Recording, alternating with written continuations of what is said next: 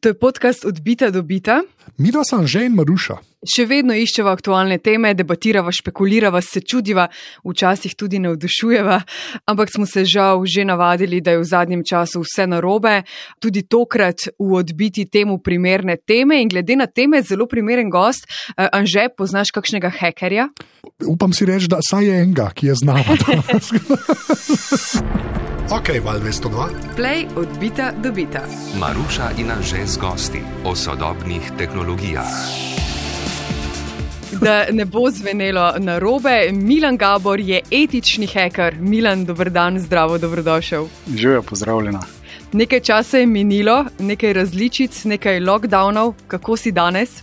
Pa, po drugi rundi COVID-a, recovering faza, nekako takole. Okay. Upam, da boš v redu. Bobo, bobo, ni druge, ni predaje. Milan, s čim se ukvarjaš v zadnjem času, kaj počneš v službi? Čist klasične stvari, torej hekanje sistemov, hekanje ljudi, preverjanje aplikacij, rekel, dajanje mnenja, smo pod napadom, lahko tudi mi, a lahko pljusne kar prek Ukrajine, tako da kar zanimive in aktualne teme. Uhum, bomo, bomo govorili o tem, čakajo nas torej posledice vojne, čeprav vojne še ni konec. Kar zahtevne teme, ampak se bomo potrudili, da bomo v razlagi razumljivi. Sicer pa še vedno velja, da sva z anžetom dosegljiva tudi po poslušanju, pa lahko debatiramo naprej. Gremo? Pejmo. Odbita do bita.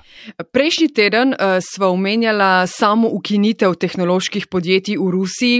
Tokrat omenjamo podjetja, ki jim Rusija ne dovoli delovanja v Rusiji. Facebook, naprimer, oziroma zdaj podjetje Meta, je uh, Rusija označila za ekstremistično organizacijo in um, najnovejša uh, prepovedala tudi Instagram.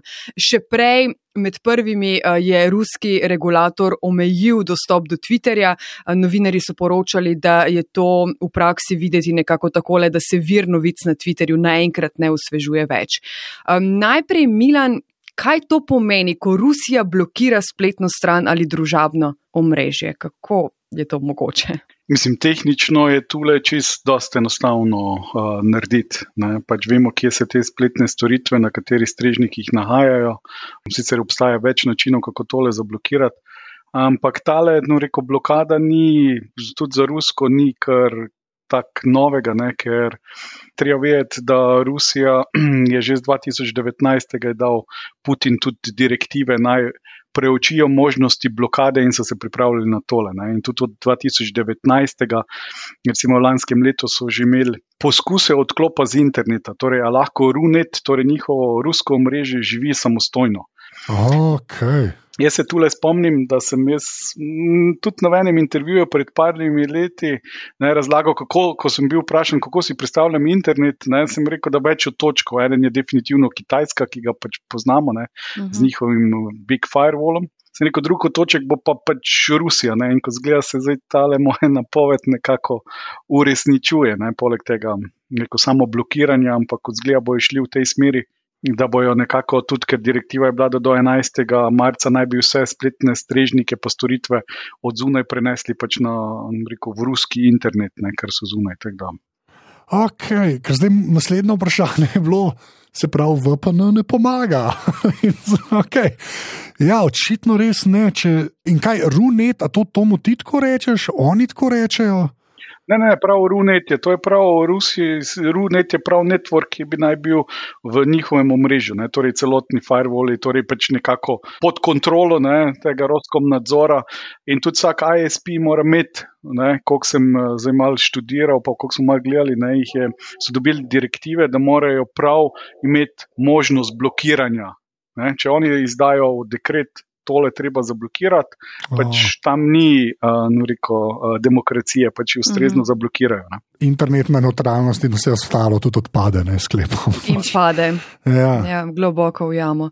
Zdaj, ko govorimo o tem, da VPN ne pomaga in da če pač se nekaj blokira, ne obstaja več, ampak pomaga pa vsaj v tem trenutku omrežje Tor. Um, verjetno sva ga v odbiti že omenjala, seveda večkrat, ampak vseeno uh, spomnimo spomnim, Guardian je poročal, da lahko Twitter, pa Facebook, pa BBC, naprimer, Rusi v Rusiji prebirajo, če uporabijo omrežje Tor. Dajmo, Milan, še enkrat, kaj točno je omrežje Tor in koliko znanja potrebuje državljan Rusije ali kdo drug, da um, torej dostopa v Rusiji do nekaterih zahodnih strani. Ok, dajmo mogoče še tule, mogoče kakšni VPN-i še vedno delujejo, ne, kateri se ne da. Tako da ta del je še vedno, tako rekel, opcijsko, mhm. mogoč okay. uh, za kakšne stvari. Ne. Definitivno so pa zašli tudi v akcijo, glede na to, da je nekako Tor, torej The Onion router, ne, to je dejansko kratica uh, ja. Tora. Cel projekt, ki je pač nekako bil ustvarjen z namenom, ne, da se omogočiti določenim ljudem pač neko anonimizacijo, torej da se pač povežeš v nek drug segment interneta, ker je pač, rekel, Tor mreže še vedno nad, zgrajeno nad samim internetom, ne? spodaj je pač uh, komunikacijski del. Uh, je pa ta Tor uh, namenjen temu, da se pač skrija, rekel, prava identiteta uporabnikov. Ne? Zdaj, Onion, zakaj je tu Onion kot čebula, ne? zakaj? Ker če se povežemo v tale Tor omrežje, ne, se naši paketki, torej naša identiteta nekako v teh layerjih skriva. Ne, in vsak hop, torej vsak not, prek katerega grejo naši podatki, doda neko novo plast anonimizacijsko. Tako da en not ne ve, odkje je pa kaj je prišlo, ampak ima samo tisti podatek, odkje pa kam, ne, ne pa odkje je torej celotna zgodovina. Uh mhm. -huh. Seveda je pa pač tole Tor omrežje. Ima tudi določene rekel, slabosti, ne? Ker so definitivno kakšna hitrost, ni vrlina. Ja. Uh, pa še tudi problematični so tako imenovani exit nodi, torej izhodne točke, ker ponovadi te izhodne točke pa krmilijo kakšne, reko, tri-letter agencies. Aha, uh, ok. Sicer visijo tudi lahko doma postavimo. Izhodna točka je tudi lahko naš domač router, pa naš domač priklop, ampak seveda s tem tvegamo, da ne, recimo, če nekdo nekaj ilegalnega dela, zgleda, kot da mi nekaj ilegalnega delamo. Torej, neki tisti nevarni promet, ki pride ven, pride z našega IP-ja in pa lahko dobimo kakšen obisk uh, kriminalistov čez nekaj časa. Ne. Okay. Ma svoje prednosti, pa ima svoje slabosti. Ne. V tem primeru, uh, v primeru Twitterja, Facebooka, BBC-ja, ki sem ga omenjala, koliko znanja potrebuje nek povprečen državljan, da bi zdaj v Rusiji dostopal uh, prek Tora do zahodnih strani je dosta enostavno. Rabimo tako rekel, posebej prirejen brskalnik, ki je pač namenjen temu, da se že prilagojena različica brskalnika, prav ki ko se zažene, se avtomatsko sama poveže v to mrežo in poskrbi za vse to. Da, ne rabi neko namestitev, konfiguracija, zagon, lahko čist navaden poprečni uporabnik tega naredi in takoj, ko je. Ne, ko ga zažene, je povezan v to mrežo. Sveda, tu se pač zanimivo srečamo spet z enim drugim problemom, ne, ker, um, rekel, ko vi ta brskalnik prenesete, lahko nekdo ugotovi, da boste pač neke stvari delali in tudi ustrezno tele prenose blokira. Plus to, kar nisem prej povedal, ne tor omrežje, so vse te točke javno znane. Tako da imamo cel IP, ne, seznam IP-ov in se tudi dinamično nadgrajujejo. Tako da nekdo, ki hoče tor blokirati, ima seznam vseh teh točk in jih lahko dosta enostavno tudi zablokira. No, to sem hotel v bistvu vprašati, ne, ker to, uh, kot si rekel, dejansko sloni ne, na pač odprtem internetu. Uh mhm. -huh. In zdaj, če se Rusi pač odklopijo iz, od interneta, zdaj zelo spekuliramo, potem tudi to ne pride več prav. Ne? Tudi to ne bo prišel več. Ja. Tudi ta kanal, ne. zdaj pač tule, kot sem videl, so pač res najbolj um, skrivanje ne, trenutno se uporablja za to, da se lahko tile prepovedane vsebine spravijo not. Ne, tako so nekoč, nekaj, če vlečemo paralele, uh, sladno vojno, ne, tako kot so nekoč po nekih tunelih uh, rekel, zahodno propagando širili na vzhod in kontra, ne, pa zdaj širijo prek toru mreža. Tako da dejansko se delovanje doskaj ni spremenilo, mogoče se je sam tehnologija ali pa načini, na kater se uh, sloni, pač spremenilo. Ja, virtualni tuneli na mesto pravih tunelov. Ne. Točno to. Pa še tako, uh, čist kar se neke lahkote uporabe tiče, vsi, ki imamo, no, ker jaz ga imam, pač brskalnik Brave, ki ga jaz v bistvu kar priporočam, za me je strah, da Milan rekel, da to ni to. Okay. Ampak tako, ga bolj priporočam kot uh, pač običajen Chrome, ne, pač ima ugrajen v bistvu pač, uh, to rokno, ki ga odpreš in se povežeš. Jaz sem se potem tudi šel povezati v Twitter, ne, prek Tor mreže in moram reči, da je kar počasi delovalo. Pa sem se sicer na Twitterju vprašal, če s kakšnim namenskim torbrskalnikom, ki hitreje dela, pa sem dobil ene par odgovorov, hvala Brijanski. Uh, pa še ne par ljudi mi je pač napisali, da, ja, da v bistvu je, pač je zamik, ampak ni tako hudo. No, pri meni je bilo kar ene dve minuti, naprej sem prišel do vstopne strani Twitterja, kar je kar. Pač preveč. Ampak, ja, no. da, to je v bistvu zelo, zelo preprosto. Se pravi, če imaš Brave brskalnik nameščen, greš lahko v to mrežje, tako da pač trikrat klikneš. No. Ni, ni, ni več to tako uh, komplicirano. Ja, ja, vsekakor. Pač Brave je tudi ena opcija. Pač Tor, Tor browser je nekako od uh, celotnega projekta pač uradni brskalnik. Zdaj, če se bi nekdo hotel še malo bolj skrivati, ne, ker večinoma se tu spletna vsebina. Ne, recimo Tor Project ima tudi uh, tako imenovano distribucijo Tails, ki pa celoten promet pol spakira v Tor mreže. Ne, še mm. malo več skrije določene stvari, ker pri tem se dolo, rekel, kakšni podatki včasih likajo, ki pa lahko tudi rekel, kakšnim organom pregona prav prijajo. No, pa zdaj, ki si omenil organe pregona, ne, polno je bilo naslovov, a preko temnega spleta lahko v Rusiji pač dostopajo do Twitterja in vsega. Jaz bi rekel, da smo vsaj odbita, ena taka oaza, ki se vsaj malo odmakne od tega temnega spleta, ki ga vedno se mi zdi, da mediji prodajamo kot neka črna luknja, kjer se, se prodajajo droge in orožja. Ne. Tako kot si prej rekel, to ima čisto neko funkcijo anonimizacije pač človeka, ki hoče brskati. Ne. In tukaj pač res prav pride v teh momentih, dokler je to še možno, ne, da pač v Rusiji, Rusiji pač lahko dostopajo do, pač, recimo do Twitterja. Tako da kako ti vidiš ta, vedno ta invokacija imena, pač temni splet. Vedno, ko se kakršna koli taka reč omenja. Vedno, ko se Tor pojavi, je zraven Dark Web. Ne? Ja. Mislim, ne, vsaka tehnologija, taka ali drugačna, pač ima dve plati, ne, oziroma ve, vedno se da reko, na več načinov jih izkoristiti. Ne. Zdaj, v tem primeru lahko govorimo o dobri plati Tora, Tora mreža. Vse isto velja za vse druge, recimo ne, nož. Evo, konkreten primer. No, sta dan zela, ne, sta zrezala kruh zjutraj ali pa kaj z jim salamo. Ne, in je čist normalen uporabno urodje. Medtem ko pa z nožem tudi lahko čez dve uri nekoga pač ubiješ. Ne. Mislim, mm. ist, isti, isto urodje ne, na dva različna reko, načina in tu tudi velja tule. Ne. Jaz sem prav vesel, no, da so se tudi aktivisti reko, spomnili oziroma pač tudi reko, te opcijske kanale začeli uporabljati. Ne če se pač da lahko spravijo kakšne novice. Sveda, drugo je pa, ne, ker tole je zdaj pač tudi fully javno objavljeno, kako dolgo bo pa ta kanal ob, se obdržal. Ja, točno to, to je. Ja. Mislim, jaz res nisem vedel to, kar si na začetku povedal, ne, da dejansko da so bili Rusi A pripravljeni na to, ne, že od 2019, kako se lahko odklopijo od eh, pač interneta ne, in da imajo ta svoj otoček, ki, moram reči, ima simpatično ime, ta runet se meni ok sliši, tako zelo benigno. Ampak ja, eh, ja, potem pač vse to vodo pade, ne, ker jaz sem nekako vedno razmišljal v smislu, da okay, so računalniki na internetu in načeloma IP-a2 se bosta videla. Ne? Ampak ja, očitno ta kitajska pa ruska.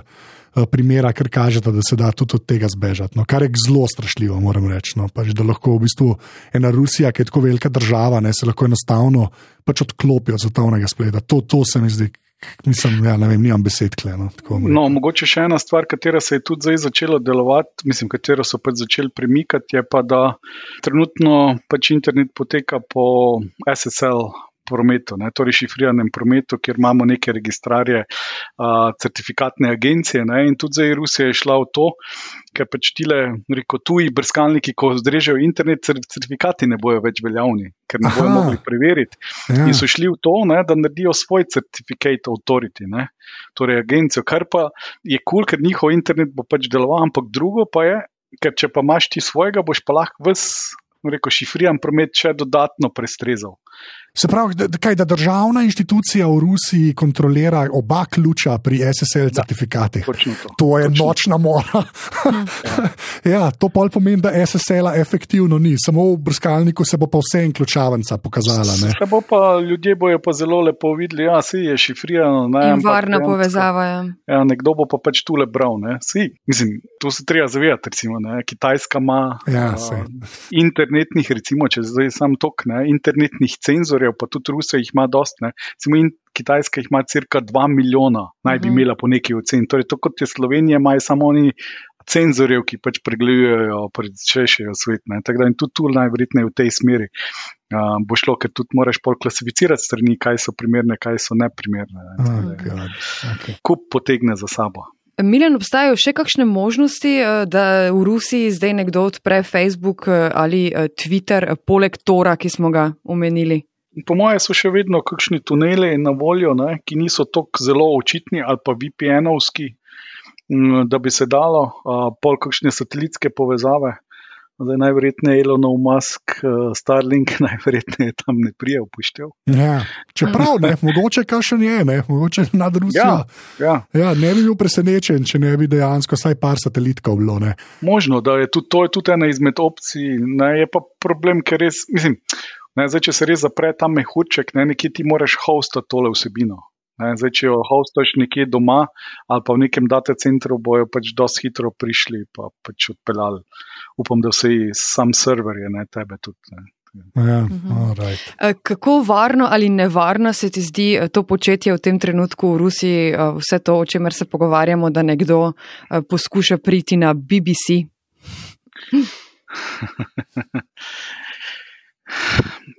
Ja, definitivno beležijo, pač tudi če ne drugega, vse poskuse, ne, kdo pa kaj je. Zdaj, kaj pa s tistimi počnejo, pa težko, ker tudi ni informacij ven zaprit. Ne. Videli smo že včeraj, pa predvčerajšnjim, da dejansko aretirajo ljudi, ki držijo. Bel papir. In zdaj, če pa ti recimo hočeš do neke spletne strani na prepovedan seznam priti, pa še zna to dost, rekel, dost nevarno. Mislim, po moje, ne, je tole kar igranje uh, življenjem. Uh -huh. No. Ok, je- imamo še kaj ja. pri tej temi, zaključili smo tako. Ne, pač, pejmo ja. na ta drugo, ki je fulbol, na gor, tako da ne. Odbita, dobita. Druga tema, um, tesno ob vojni, ki jo vidimo, se je pojavila kibernetska vojna, ki je ne vidimo. Vseeno, Milan, nam jo poskušaj razložiti čisto osnovno vprašanje. Kaj je kibernetska vojna?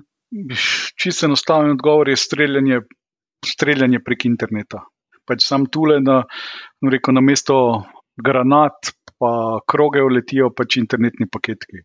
Taki ali drugačni obliki. Ne. Mogoče z eno omejitvijo, tule pri prej kibernetski vojni, ne, da recimo ni meja. Ne. Zdaj, če gledamo Ukrajino, pa ne, vojno, tam imamo neke meje, pa imamo Belorusijo, pa imamo Polsko, ne, če ravno bombe hitro padajo. Ne. Tule paketi na tej kibernetski vojni pa nimajo potnega lista, ne rabijo kazati, ne rabijo Mm. prečkati teh mej. Ne. Zato je ta kibernetska vojna rekel, še lahko dost bolj, um, rekel, bolj nevarna, ker se da streljati kar z domačega nas- naslanjača. Ne. Uh -huh. In pa seveda treba vedeti, da pač po teh klasičnih vojnih področjih, ne, zrak, zemlja, voda, ne, vesolje, smo še dobili novo dimenzijo, to je pač kibernetski prostor, v katerem se uh, to streljanje oziroma vojskovanje pač um, izvaja. Ko omenjaš meje, uh, vse to, vsi govorijo o tem, da so v nevarnosti tudi druge države, v tem primeru kibernetske um, vojne.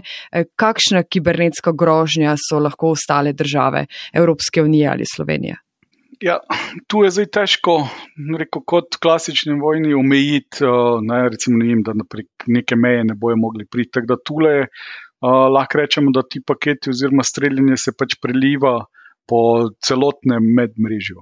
Ne, torej, ko pač nekdo strelja, se ne, ne omeji samo ne vem, na strežnike tja. Zakaj? Ker lahko ukrajinske neke podjetje lahko ima svoje serve, ne samo v Ukrajini, ampak jih lahko ima ne vem, v Nemčiji, lahko ima na Finskem, Mhm. lahko ima na Irskem. Ne.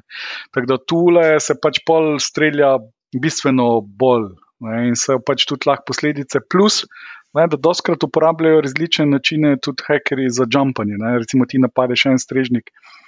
Ne, vem, ukrajinskega in pol, recimo, vidiš, da je ta ukrajinska firma povezana še z ameriškimi, ali pa nemškimi, ali pa italijanskimi, ali pa celo slovenskimi, lahko jumpnejo naprej. Ja. Ne? Kar recimo v klasični vojni je malo težko.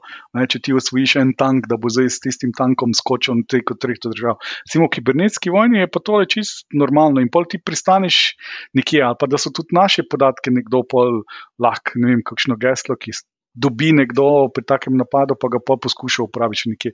Tako da tule je lahko pljuska pol po, po celem. Ne? In tudi to streljanje, ne še pred to ukrajinsko vojno, če smo kakšen attack map dal v Google, smo videli, kako tole poteka, ne? da tole like po celem svetu uh, se streljajo. Omenil si, ne, kako pač se napade nek strežnik, pa to ne, mi dva sva večinoma, se tudi ti si bil v odbiti, smo se pogovarjali, se pravi o teh ransomware napadih, kjer napadejo neko podjetje in zašifrirajo podatke in potem dajte denar, pa vam odšifriramo podatke ne, in podobno. Ne. Kakšne vrste napadi so potem v teh kibernetskih vojnah? Ne. Zdaj, okay, greš na pas strežnik. Večina ljudi bi rekla, ok, napadte strežnik. Mislim, kaj so lahko posledice, pa za kakšne napade gre? Mislim, tole, kar smo videli zdaj, recimo ta klasičen ransomware v tem vojskovanju, ni tako zanimiv. Ja, se zato. Uh, ni tako zanimiv, ne? mogoče pri kakšnem primeru, ja. Ampak v veliki večini primerov so šli, ne, pa tudi recimo tale njihov, zdaj, ker sem gledal 800 giga podatkov, kar so likali, recimo, ne vem, anonimusi z Roskom nadzora, ne, torej spletišča, konfiguracije, gesla, izvorna koda, ki jo pol analizirajo, ne, in jo pač pol uporabijo za to, da naredijo analize in pol lahko kakšne druge tarče spet napadajo. Tako da tule so bolj tile. Cilji pri tem kibernetskem trenutno vojskovanju, in pa seveda, uh, mogoče kakšno ohromitev storitve. Ne? Recimo, ne vem, da ti IT infrastrukturno. Recimo, Jaz sem bil prav presenečen, da ukrajinski internet tako dolgo zdrži. Ja. Tole, recimo, v vojni, če bi hotel, pa da recimo, vse te Instagram slike, pa vsega, ne, prvo pač tisto napadeš, ampak še vedno stoji, recimo, ne, da napadeš nekega ISP providerja in ga onemogočiš, da pol ne more več delati. Ne. Tole smo videli recimo 2015. Ko so tudi Rusi prav Ukrajino izklopili električno mrežje. Mhm. In to se je začelo takrat že dogajati, in takrat je tudi eden izmed teh najboljših, po mojem mnenju, predavateljev na temo uh, cybersecurity, Miko Hiponen, rekel, da tisto je bila prava prva cyber vojna, ne? torej mm -hmm. za Krim. In so šli, vojaki so šli tja, Rusi so ga usvojili, hkrati so pa ruski hekerji četrt Ukrajine izklopili iz električnega omrežja in to na tak način da ga nismo mogli vklopiti več avtomatsko, ampak so ga morali ročno iti vklopiti. Ja, Take stvari, ja. torej denial of service, kritični podatki, finančne, recimo, ne vem, onesposodobitev bankomatov pa finančnega omrežja, elektrika, ne? torej tisto voda, recimo, da ostaviš ali pa kakšne stvari delaš. To se, to se je največkrat targetiralo v takih a, primerih. Zdaj si v bistvu odgovoril tudi na to, kar se skozi pogovarjamo o tej vojni. Tudi na valu 202 smo se že uh, v minulih dneh z različnimi strokovnjaki, da je v bistvu Ukrajina ruski kibernetski uh, poligon že, že več let, že dlje časa, ne, kot trajajo fizični spopadi in fizična streljanja, ki jih zdaj spremljamo. Um, Milan, še ena stvar se pojavlja v zadnjih dneh zelo intenzivno, to je beseda hektivizem, uh, torej hekeri plus aktivisti, če si prav razlagam, kdo so ti ljudje, odkot prihajajo. Čeprav razumem, se mi lahko pridruži kdorkoli, lahko iz Slovenije, lahko iz Argentine, lahko iz čist nekega tretjega konca sveta. In kaj tako pomaga eh, nekdo ukrajinskim hekerjem? Kdo so, kaj počnejo vsi skupaj? Pač jaz delim tri skupine ne, tistih uh, napadalcev. Ne. Eno so kriminalci, ki delajo za denar, druga je država, ki pač heka državljane ali pa njihove in reko ogroža pravice, ne, kot recimo Rusija.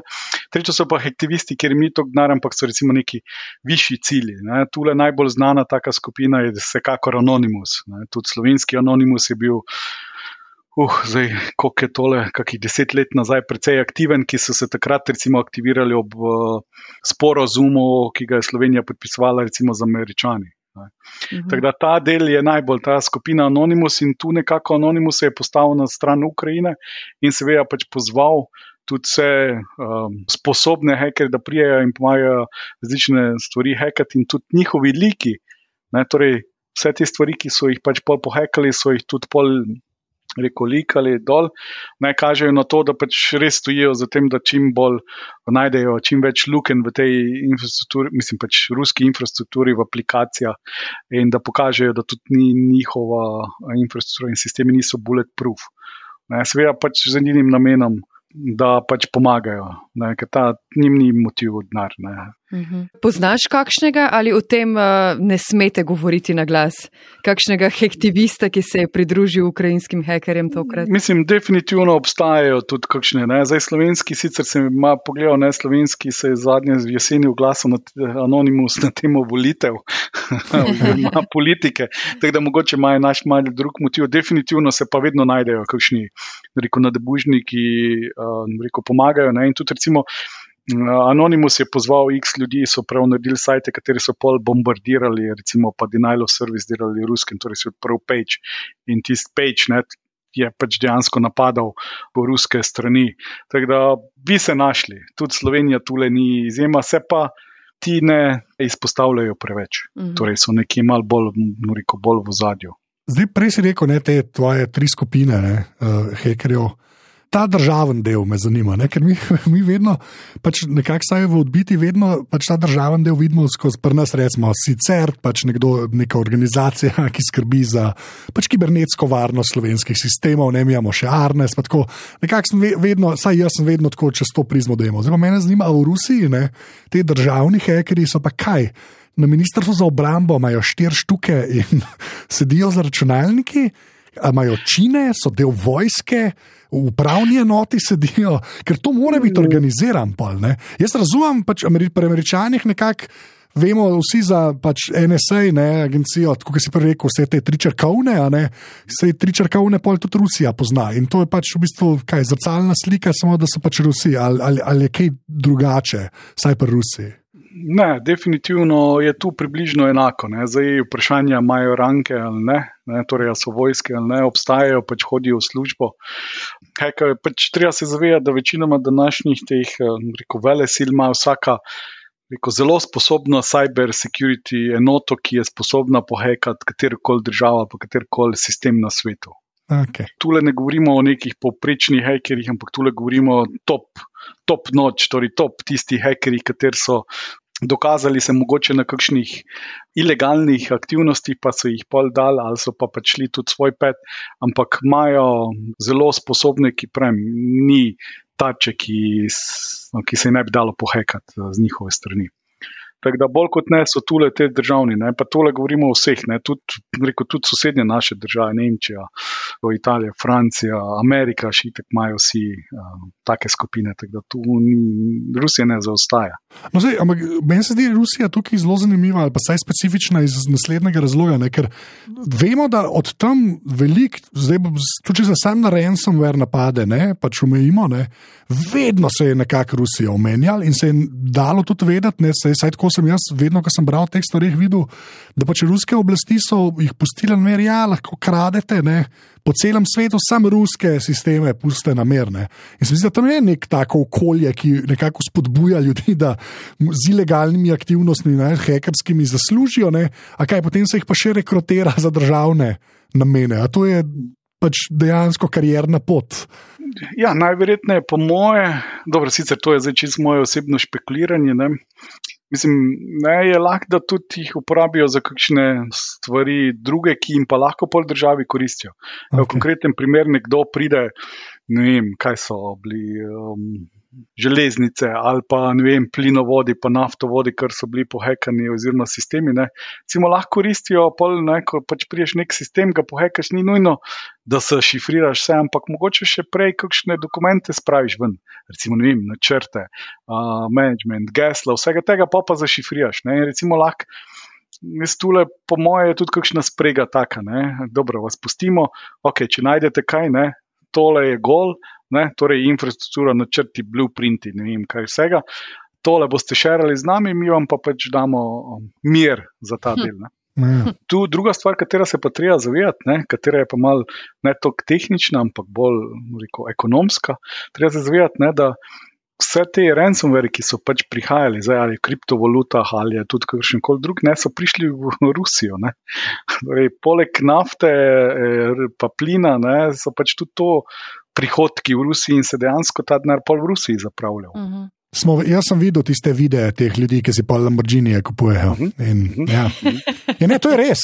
Ka, to je un, ki ima kaj Lamborghini, ki je imel tablico lopov. -huh. ker se pač ve, da je on bil za dvemi ali tremi velikimi ransomware. Noro, ja, to je res nek ja, drug svet. No. Mogoče še pa poglej, na kakšni slabi infrastrukturi pa laufajo, polko pridejo, pa jih aretirajo. Ne bi pričakovali, da glede na vso to denarja, ne, ki so ga pobrali ali pa pokradli, ne, ali pa na način, drug način utujili, dejansko stvari, ki nas okužujejo, ali pa softver, s katerim upravljajo, pa laupa na nekih starejših računalnikih, ne, takih, ki, ne, ki jih ne. mogoče več ne vidimo pri nas. Ne. Odpisana roba iz javne ja. uprave. Pač. Ja, recimo.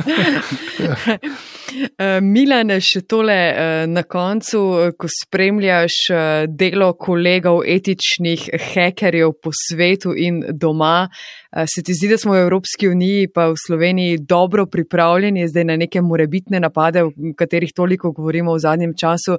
Ne, da bi zdaj to zvenelo čudno ali pa kot napoved, no, ampak kaj bi se moralo zgoditi, da bi rekli, da je tudi tukaj kibernetska vojna in ali se je potem lahko obranimo? Mislim, tako jaz lahko rečem, no, da se po teh spremljanju naših aktivnosti se vidi, da je, so se malo aktivnosti od 23. oziroma še malo prej, 22. pač povečale. Ne.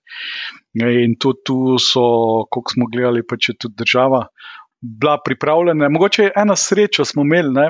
Zdaj ne vem, se spomnite, ampak konc lanskega leta, ne, decembra, tam je Log4j, ena taka kritična ja. ranljivost, katero ja, so dvignili. Ja. Sva govorila o njej, poslušalci jo poznajo. Ja, ja. No, ja, katero so dvignili raven. In to je mogoče bil dober test ne, za, za ta del, tako da so bili ono, like awareness, ne, da pač pripravljeni, pripravljeni, smo. pripravljeni smo za to, ne, nič nas ne sme presenetiti. Ne, ja. Recimo nekoč. Ne. Tako da se je tule, ne, sicer nismo dvignili nivo pripravljenosti, kot smo ga takrat nekoga ursil dvignil.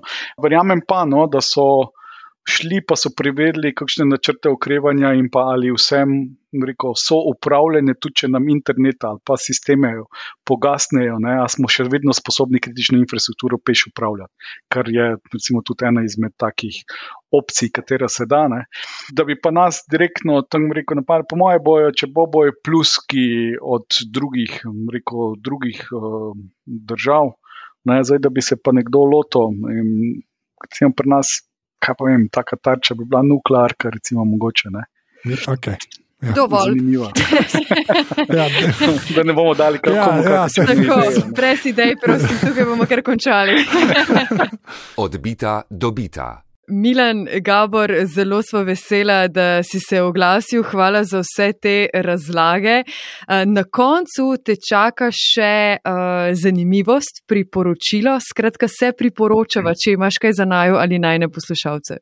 Uh, ja, tu sem jaz bil ne, uh, rekel, v dilemi, kaj priporočati, ampak jaz, če hoče nekdo dobiti res uvid, ne, kaj je, je eden izmed ful dobrih filmov oziroma dokumentarec je Zero Day uh, Zero Days. Tako da, če kdo hoče videti, kaj so sposobne te tri leta agencije, o kateri smo rekel, prej govorili in se pogovarjali o njih, ne, je zelo dobro, da se vidi, ne, uh, kako se tudi lotijo in kako pol releasajo in kakšno lahko škodo tudi povzroči, no reko, um, koda. Tako da Odlično. Zero Day se, se splača, se splača pogledati. Ne. Zdaj tisti, ki pa nijate, ne dostopa, se pa splača Miko Hiponena pogledati in sicer na YouTubu je free Cyber Security Sona, ker prav piše Defining Cyber Warfare, uh, 46 minut odličnega poslušanja, ne, ne gledanja, ker je poslušanja, uh, tako kot vidva mata, odbita, dobita, ne, uh, prav, kaj sploh je to Cyber Warfare, kaj je in tudi na teh primerih zelo lepo razloženo. Sem že našel link in bo v zapiskih. Je v zapiskih, tako ljudje. Je. Tako, tako. Je, tako je. Super, Milan, že dolgo uh, ni bilo kakšnega uh, dokumentarca uh, ali uh, audio posnetka v priporočilih. Zelo fino se veselim, si bom vzela čas.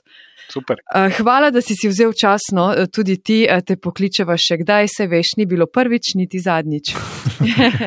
Hvala za povabilo, ne? naj se vajo kibernetska vojna čim manj dotakne. Hvala, enako, oh. dobro delaj. Ja. Zdaj le grem preverjati moje tu faktore. uh, že kaj še poudarjamo na koncu vedno? Vse, kar smo se pogovarjali, je v zapiskih. Če poslušate ta podcast tako, kot bi ga morali v podcast aplikaciji, uh, so zdaj tam zapiski um, do povezave, se pravi do, do relevantnih tem, o katerih smo govorili. Sicer pa hvala vsem za ocene v Apple Podcasts in pa odbita afna.rtv.si je naj mail, pa afna odbita smo na Twitterju. In uh, to je to. Se slišimo, hvala za pozornost. Čau. Čau. Čau.